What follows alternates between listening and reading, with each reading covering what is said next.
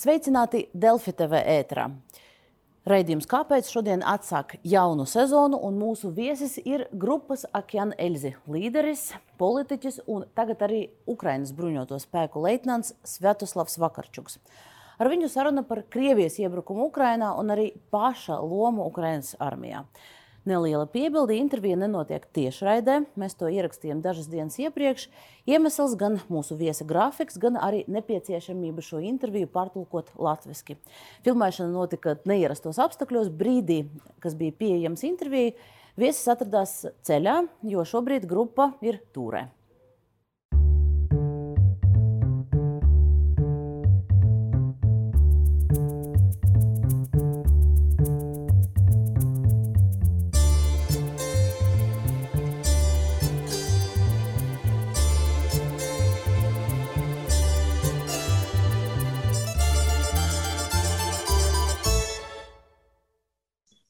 Sviatoslav Vakarchuk, welcome to Kāpēc. Um, Thank you. I'm happy to be here. Thank you. Valdies. You are now on a world tour named Help for Ukraine, and this is not a commercial tour. You're collecting all the proceeds and donating them to Ukrainian children who were hurt during this war. Uh, do you have any impressions of this tour so far? from one point of view, this is the maybe typical tour for us because we're traveling a lot. We're having a great time with, with our audience, and we sing the songs we we used to sing them before.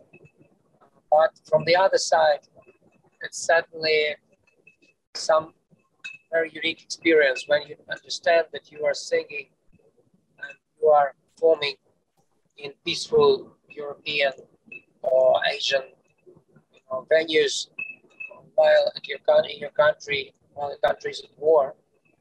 And uh, I cannot forget about this a single moment while on the stage and out of the stage as well.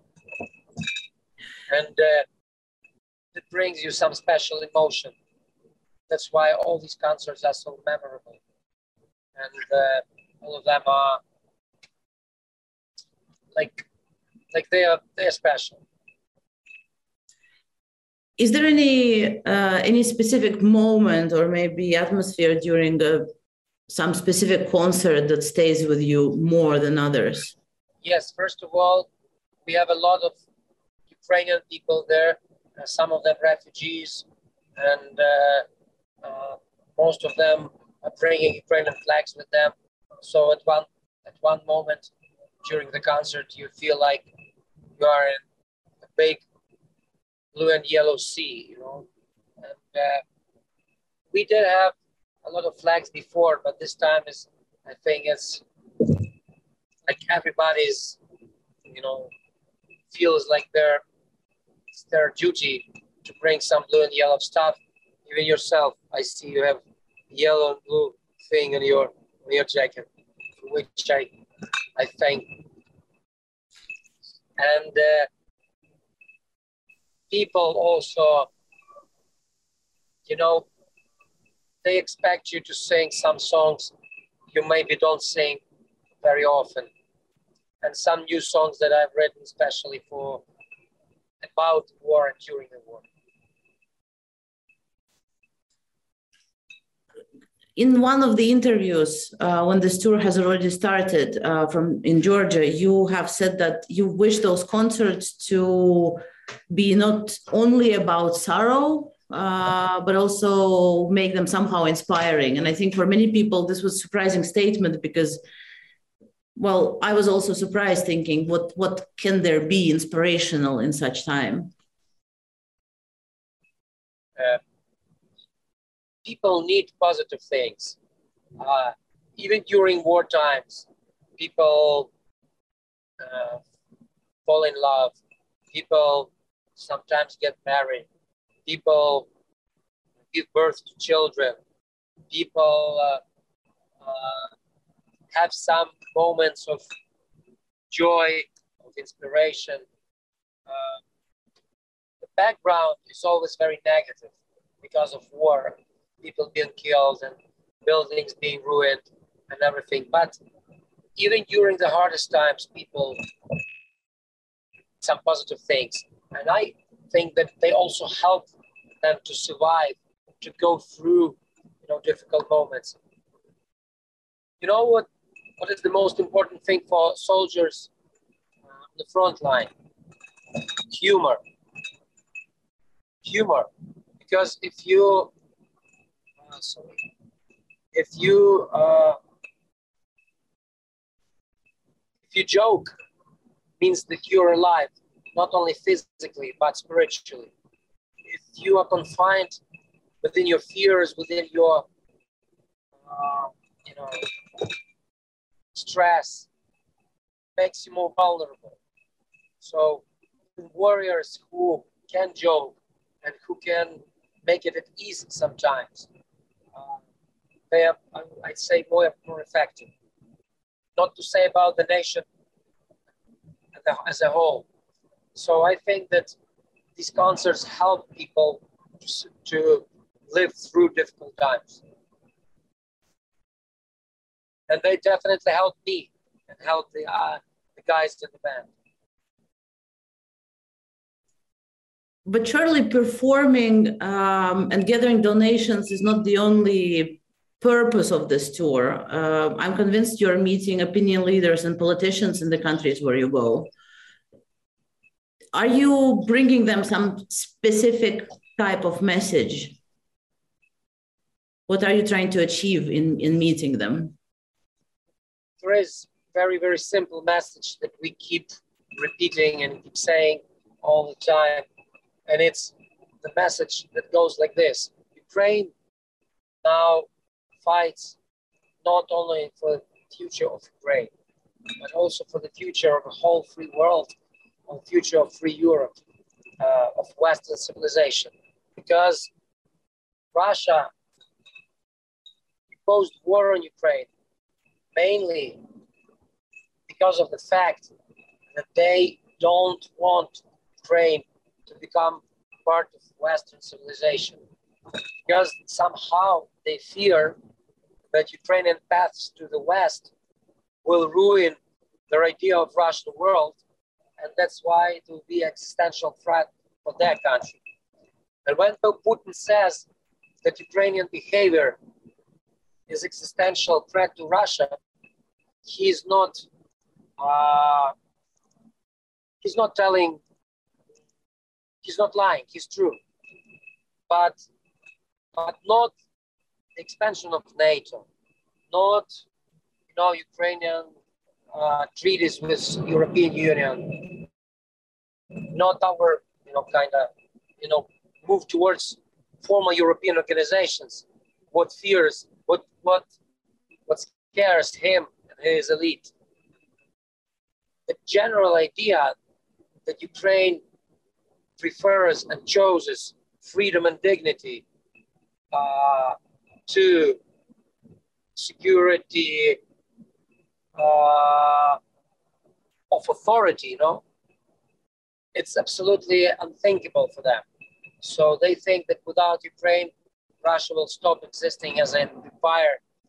And they are obsessed with, you know, this idea of Russian world, which for me means uh, Tsarism, uh, autocracy, and lack of freedom and dignity. Uh, and this is fundamental difference between us and them. We think that the state exists for a human being.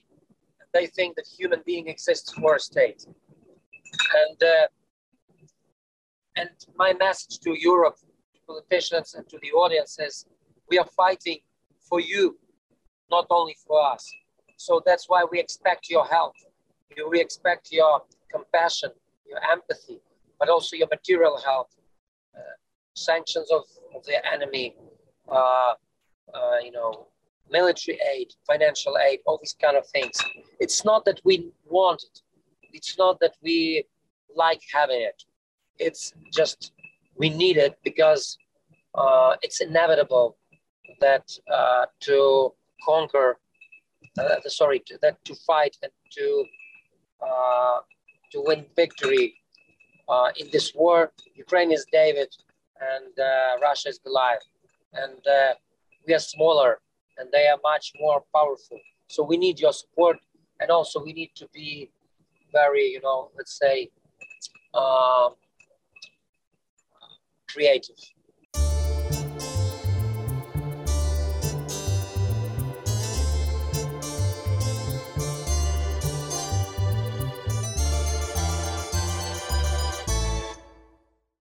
If we go back to to how the war began, uh, do, do, you can you recall morning of 24th of February? How what what was happening for you on that morning? 24th of uh, February started at four o'clock in the morning for me, and uh, as I always keep saying, it never it never ended. It's still 24th of February for me. It's a one long day, and maybe it will be over when when we win this war, not earlier.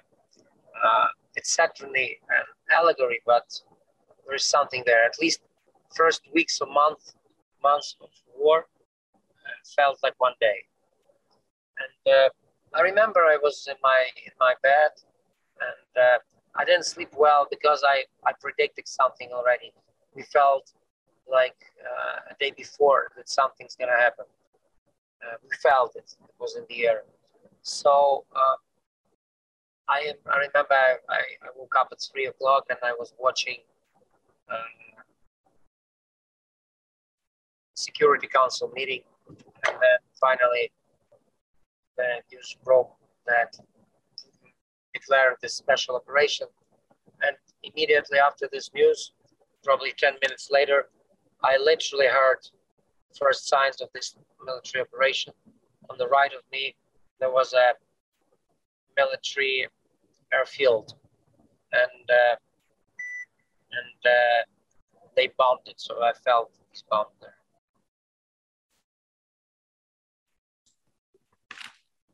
In some of the interviews you were saying that uh, this first days uh, first three days you spent kind of uh, helping people to get out of kiev region. How how was that for you? You know there there were a couple of people who i didn't know but mostly these were uh, people of uh, who i knew and their relatives.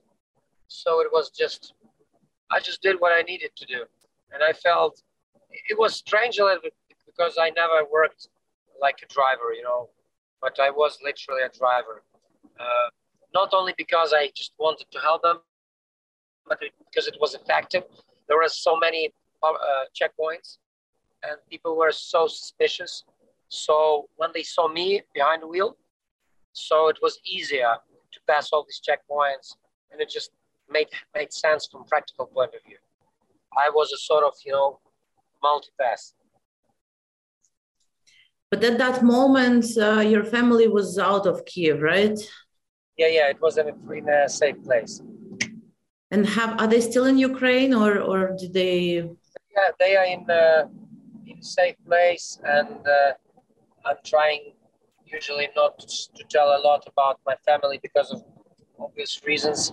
I can I can see them time to time. Unfortunately, I cannot see them when I want. So first three months of the war, I didn't see uh, neither my wife nor my one-year-old son. Some now I am the father of already another beautiful daughter. She's one month and a half, so I had chance to be to be with her.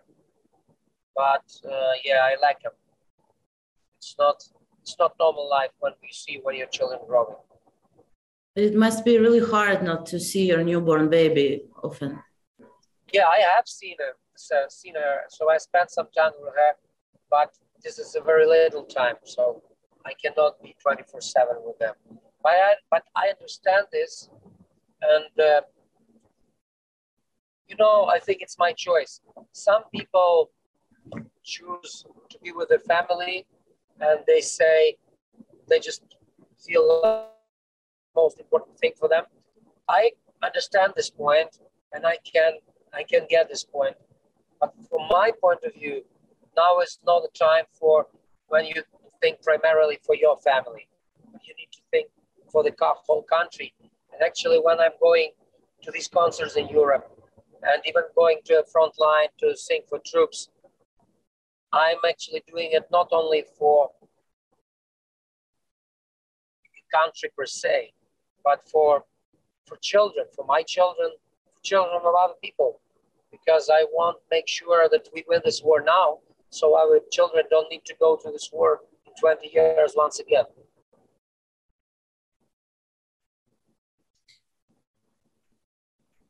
You say that um, you felt that the war is coming, that it's inevitable. Yeah, it was. It was in the air. I didn't know for sure. I still had some hope that maybe the worst won't happen, but mentally I was ready for that. But could so it was not total surprise for me, like for many Ukrainians. I followed the story. I know politics. I know history. I know Russia.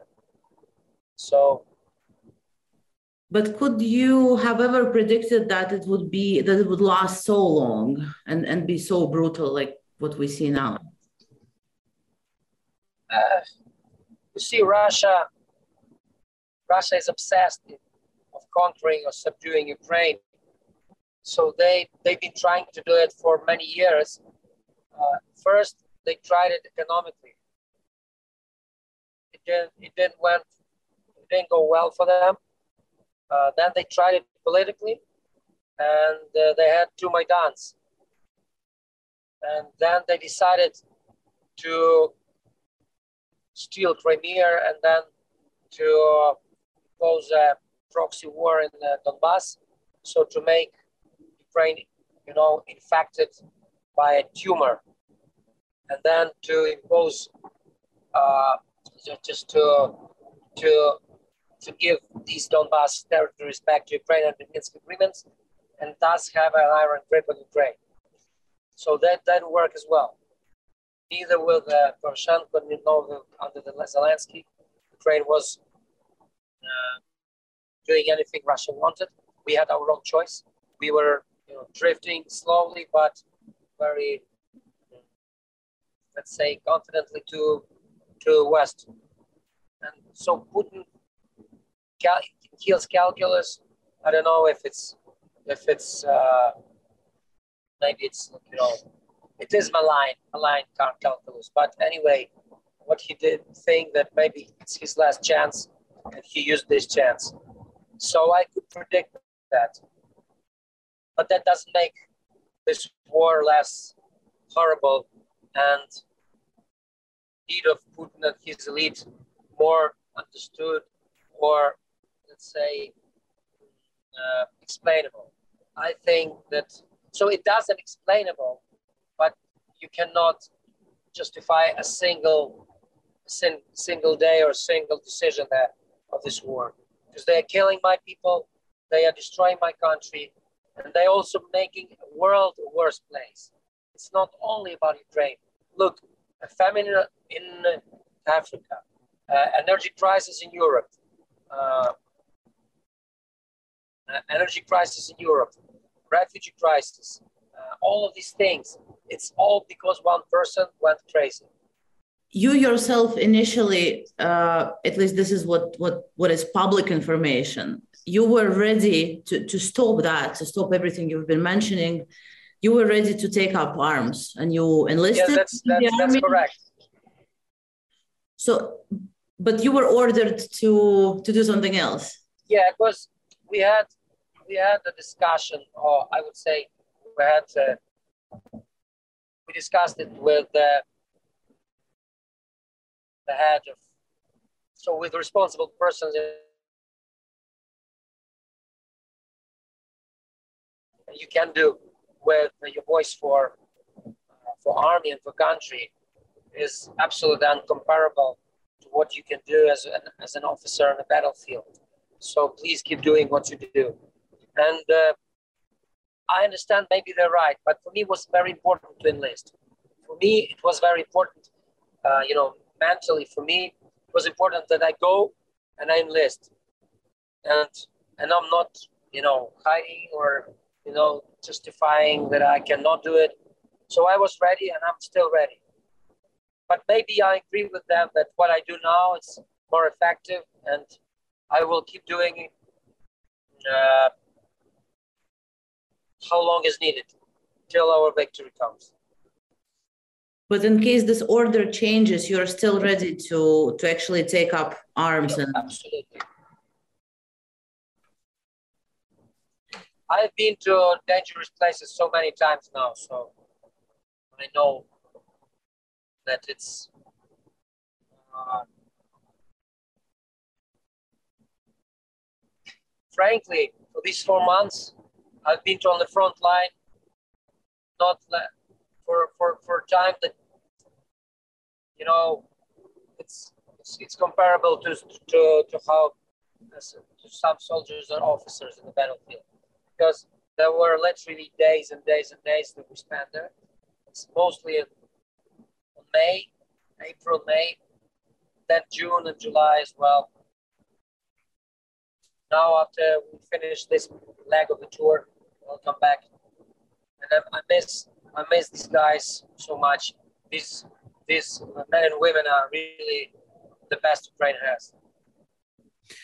So to, to our viewers, maybe I'll, I'll make a little cl- clarification. I'm sure that not everyone knows this, but you go to the front line and you sing to soldiers to sing, talk, uh, you know, just spend time with them. Sometimes having a meal together, making photos, doing videos for them.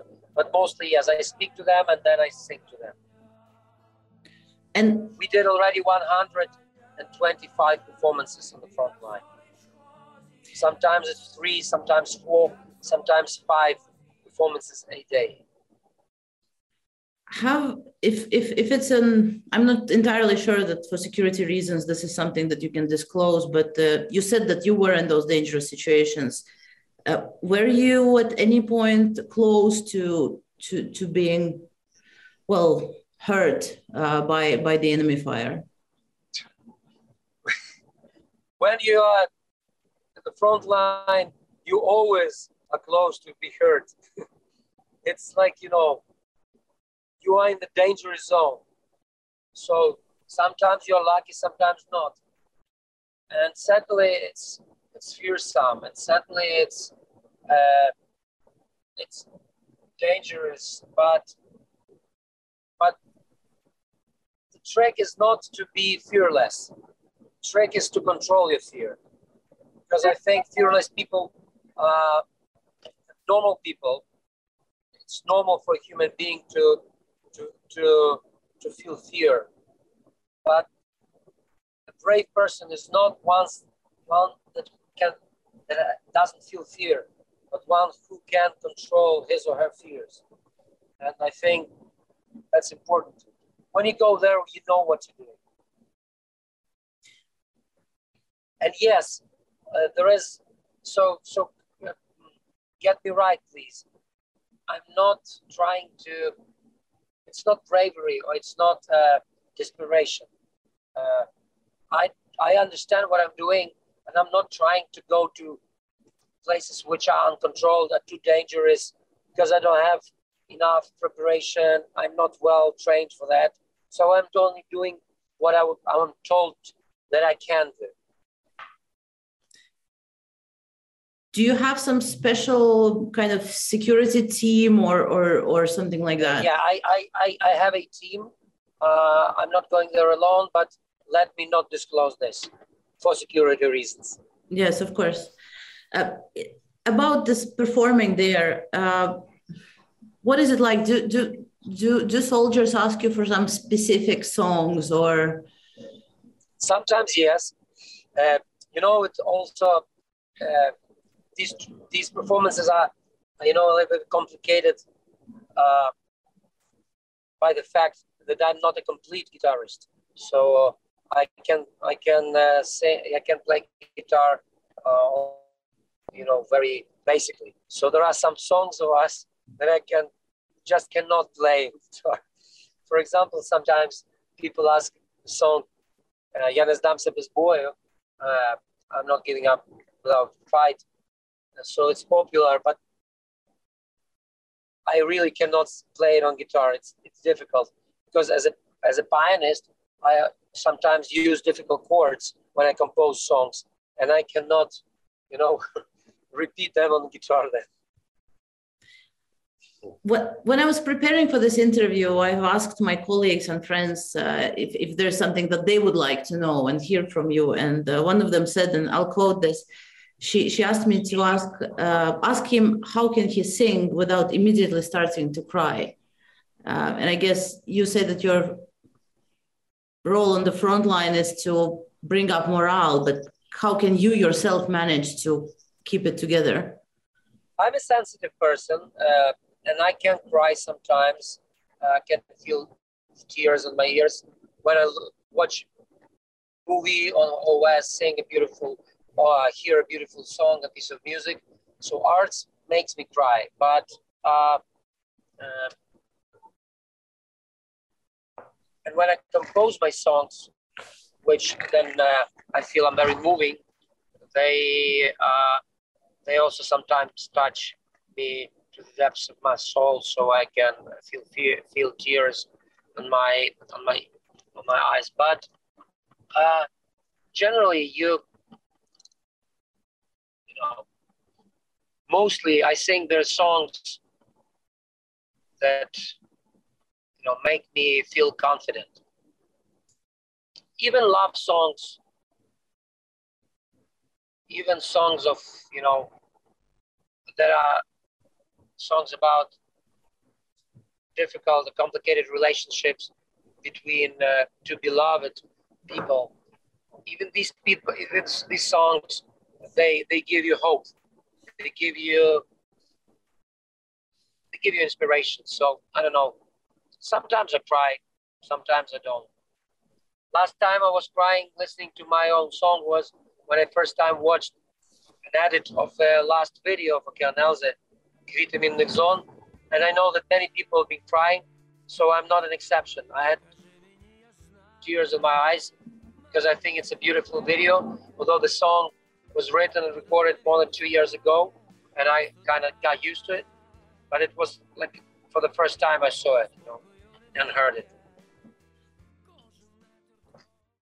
Do, but do you do something special to, to be able to because I guess the, what what people on the front line are uh, I would assume that this is they're they're looking to you for well the same inspiration and, and, and positivity is it is there anything do you have some technique to kind of be strong in front of them you know, uh, I am in front of them. I'm, I'm not trying to pretend I'm a different person. I'm not their commander. And I think that soldiers on the front line, they feel if you're true or false. And uh, they also feel if you're playing with them or being yourself. Uh, think that just to be with them, to chat with them, to share a meal with them, to be one of them. Uh, it's very important. The, the fact that I'm coming there as Ukrainian, as as their brother, I think that inspires them, and certainly it inspires me. And these meetings and these concerts, if if you can name the concerts performances, they look nothing like our typical concert in, let's say, in Arena Riga, and there is no rock star and the audience there. We are just Ukrainian people, all of us fighting for our future, themselves with machine guns and tanks and artillery, and me with my guitar.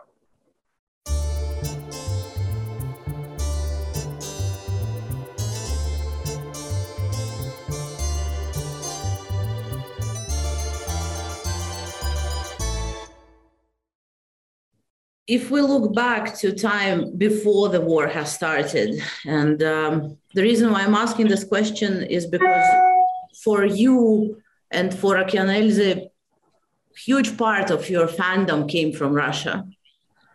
Uh, a lot of people there are fans of your music, and one could say that, well, even before the war, publicly you were kind of a peacemaker. You were talking uh, against blacklisting Russian uh, celebrities in Ukraine. Uh, in 2014, you were still ready to go there. You did perform uh, in, in Air to commemorate Boris Nemtsov. So it seems that you were thinking that some kind of dialogue with Russia and Russians is still possible. Do, do you think now that um, you were mistaken then, or or was it still that way then? I don't care if soldiers on the front line are big fans of Okean Elzy, or maybe even they turn on to, to change the station where they're playing and don't like our music. As long as they are fighting for our country, they are my brothers, and I'm gonna support them. And there's no difference for me. Do they like our music or not? And the opposite is true as well. So today Ukraine is at war, and our our enemy Russia, uh, who by, by who in fact uh, mostly support this, as they say, uh, military operation, which cynically they called, uh, they, they tried to call this way war. Uh, so I don't care if they listen to Okean Elzy and like it or not. If they support Putin or even if they are keep keep silent and doing nothing to stop this war, I think they are uh, uh, collaborators, and this is it. And it's very black and white. I'm very sorry to say that, but it's that.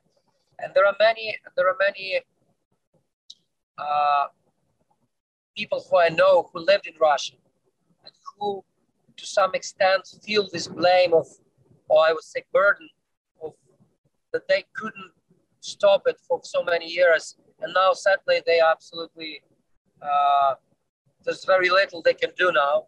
So most of people, these people left the country and they keep saying and keep doing good things and keep trying to stir the public opinion. And they're, they're not very, there are not, not a lot of them, but these people exist. And sadly, I I'm very grateful to them.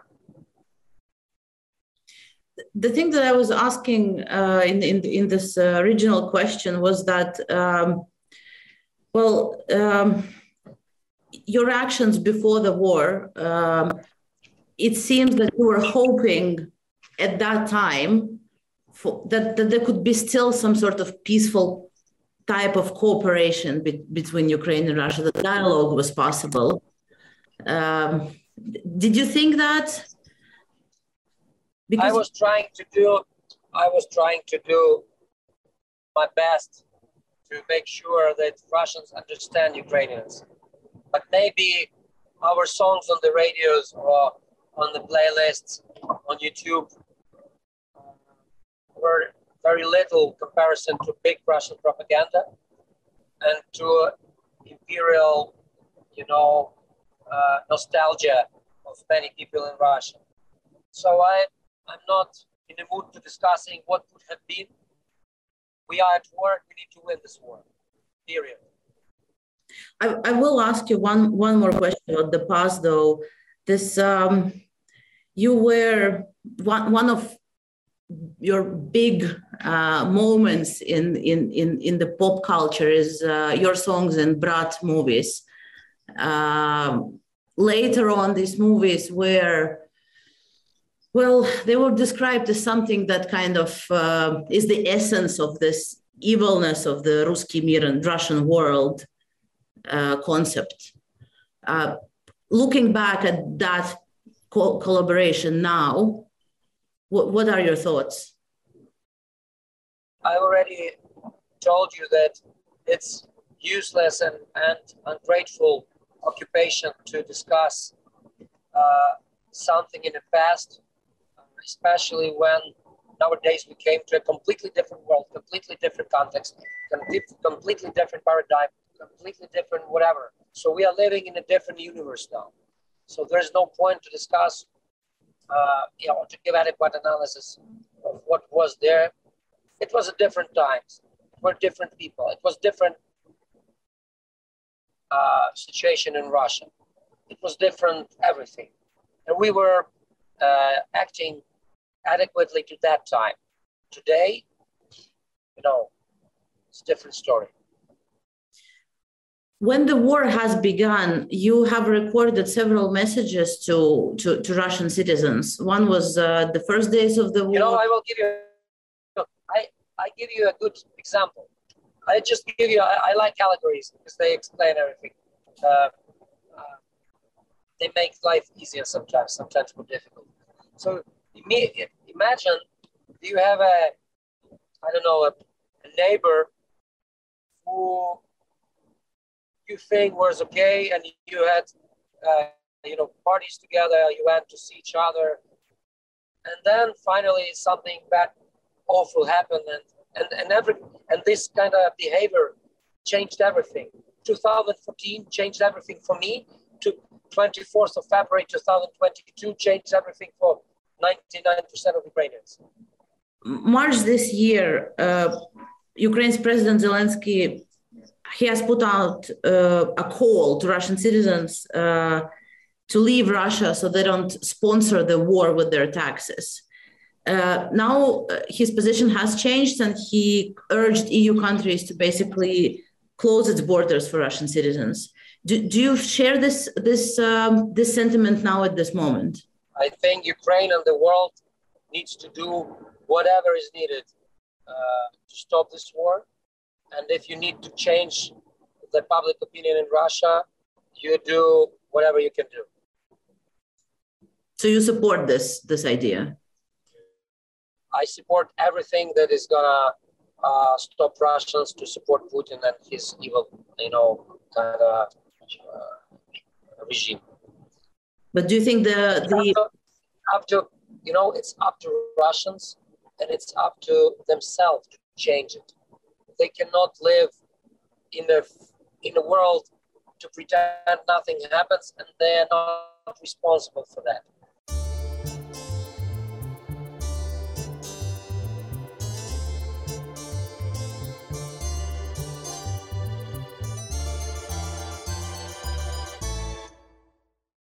Do you think that European leaders or maybe even world leaders at the moment are doing enough to, to, to stop Russia? There is sanctions, there is military aid to Ukraine, or are you asking for more uh, of specific things?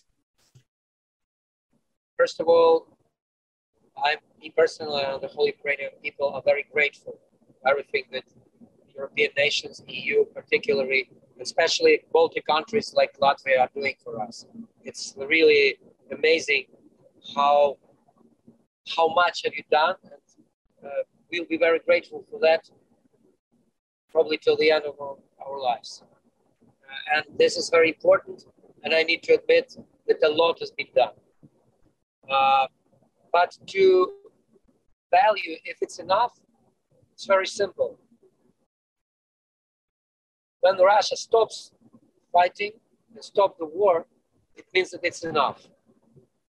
Before they stop it, you should do whatever needed, sanction and sanction and sanction, until the cost of the war for them becomes high to the extent that even their ambitious and their, you know, kind of horrible uh,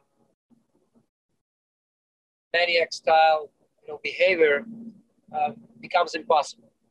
So, from this point of view, yes, it's not enough because the war is not over.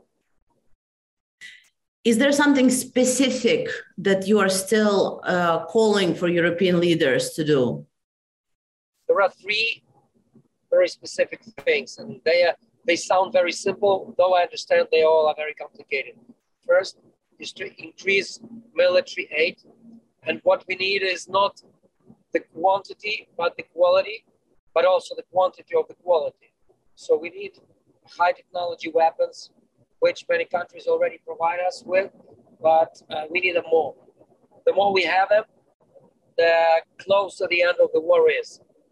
And the nightmare, not only for Ukraine, but the whole world, including neighbors uh, of Russian countries like yourself. Number two is certainly sanctions. And there are still banks that are no sanctions there are uh, travel restrictions that could be done. We were talking about that. There are many, very, many, many different things. And uh, it's also very important financial sanctions. And third, maybe the most important, but the most difficult so far from what I can see, is energy sanctions.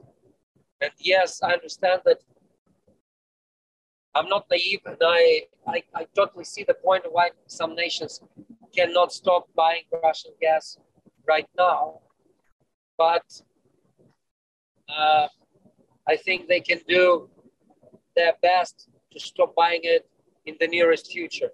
And for Ukraine, it will be a sign that these nations are ready to suffer some difficulties uh, because Ukraine now suffered big difficulties in order to save the world and Europe from Putin's, uh, you know, kind of maniac, you know, desires and, and, and geopolitical dreams.